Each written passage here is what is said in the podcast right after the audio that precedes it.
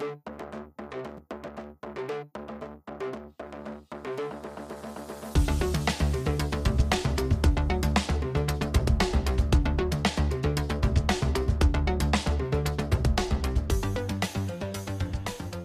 och välkommen till säsongens fjärde episode av Spökelser efter avdöde störelser.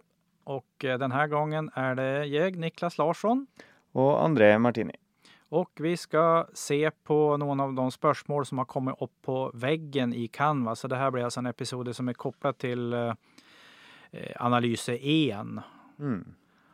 Och spörsmål som har kommit då handlar om eh, implicit derivation kan man väl säga och så lite om den här eh, skrivemåten DDX. Men implicit derivation, varför tränger man det? Ja, det, det er jo eh, egentlig et veldig godt spørsmål. Og, og Eh, du kan jo Hva skal man si? Eh, kan jo vi kommer jo ikke til å gå inn på alt i analyse av hva man trenger det til, men jeg tror eh, allerede nå denne uka her så har vi jo sett litt uh, eh, nytten til det når vi har snakka om disse eksponentialfunksjonene og logaritmefunksjonene, og så sett hvordan man kan bruke implisitt derivasjon for å, å, si noe om den deriverte. Uh, det er vel til logaritmen du har sett på, er det ikke det? Ja, logaritmer och exponentialfunktioner har vi ju sett på, på lite idag då och Eh, vi har gjort sån här logaritmisk derivation av x i x. Mm. Mm. Eh, där vi ju, man tränger eh, implicit derivation för att finna den deriverte. Mm, mm. Ja, vi kommer videre til å se at det er veldig mange inversfunksjoner som, som vi har behov for implisitt derivasjon for å kunne si noe om de. Og ikke bare kan vi si noe om det, men vi kan faktisk finne noen eksplisitte uttrykk for de deriverte til inversfunksjonene. Til f.eks. Ja. Eh, de trigonometriska funktionerna som kommer nästa uke. Ja, arcusinus och arcus cosinus som är de inversa funktionerna till sinus och cosinus. Mm. Ehm, men eh, en sak man också kan bruka implicit derivation till är ju om man har ett, eh, ett uttryck, ehm, man kan tegna grafen till en likning, men där det är väldigt vanskligt att lösa så att man kan skriva uttrycket explicit mm, med mm. där y är på vänstra sidan och så ett eller annat med x på högra sidan. Mm, mm. Eh, för exempel om man ehm, tar eh, x gånger eh, y i andra plus 3xy så blir det väl ganska vanskligt att få ett explicit uttryck för det. Det kanske går, men, mm, mm. men ska man då Får man en tegning av grafen till den, alltså grafen är ju en blir någon en eller annan kurva Eh, så kan man ju trots allt med hjälp av implicit derivation finna stigningstall i olika punkter. Mm, mm. Ja, så det är väl en av de nyttiga tingene, att man på en måte kan si noe om både funksjon altså, Eller i hvert fall hvis man kan si noe om punktene til en uh, funksjon, og hvilke punkter de går igjennom, så kan man også da ved hjelp av implisitt derivasjon uh, gjerne si noe om, om stigninga til kurven i det punktet. Ja, och nu sa du funktion, det är ju inte säkert att det är en funktion heller, men, kurven, men att det är en kurva då mm. som vi har.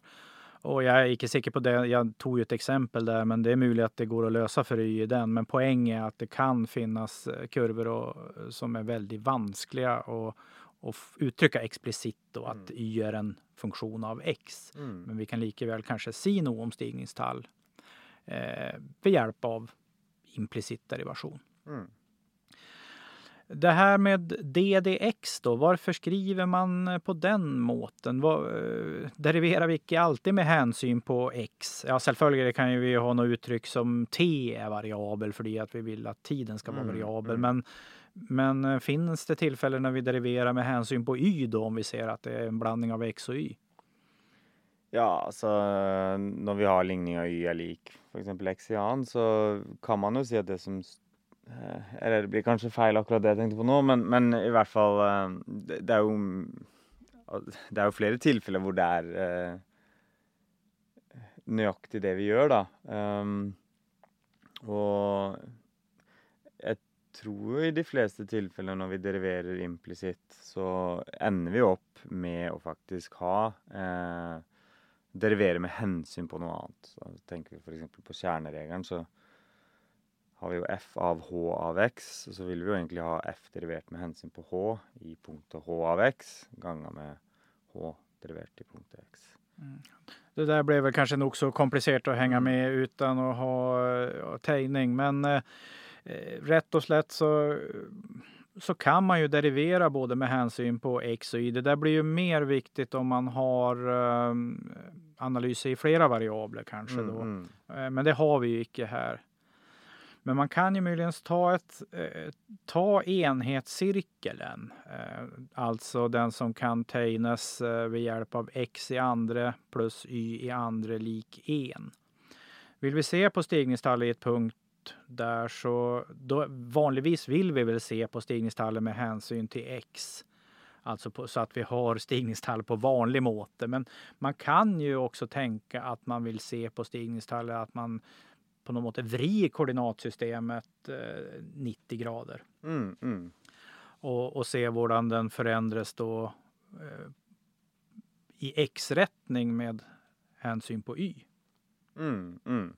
det går ju att göra på den måten. Mm. Och då får vi för exempel då eh, tar vi eh, enhetscirkeln och tar punktet 1, 0 alltså längst ut på x-axeln eh, till höger. Mm. Så Eh, är ju stigningstallen med hänsyn på x, ja det existerar ju inte, där är den ju mm. vertikal. Ja. Men skulle vi se då på stigningstallen med hänsyn på y, att vi blir en 90 grader, så då blir ju stigningstalet noll där. Mm, mm.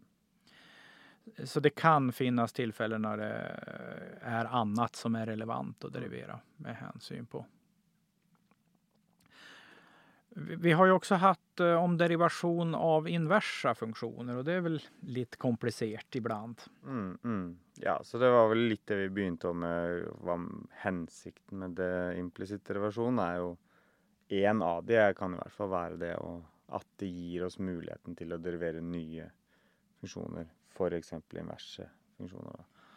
Ja, och då är det ju, här, här handlar det också lite eh, Eh, varierande om vilken vits det är och känna till eh, någon speciell formel för att derivera inversfunktioner. Eh, ibland så kan det ju vara, har vi en eh, linjär funktion y lik 2x så är ju inversfunktionen till den är ju väldigt enkel. Den är ju ja, x lik y delt på 2 då eller y lika x delat på 2 avhängig av vilken variabel. Och då kan vi ju lika väl derivera den på vanlig måte. Mm.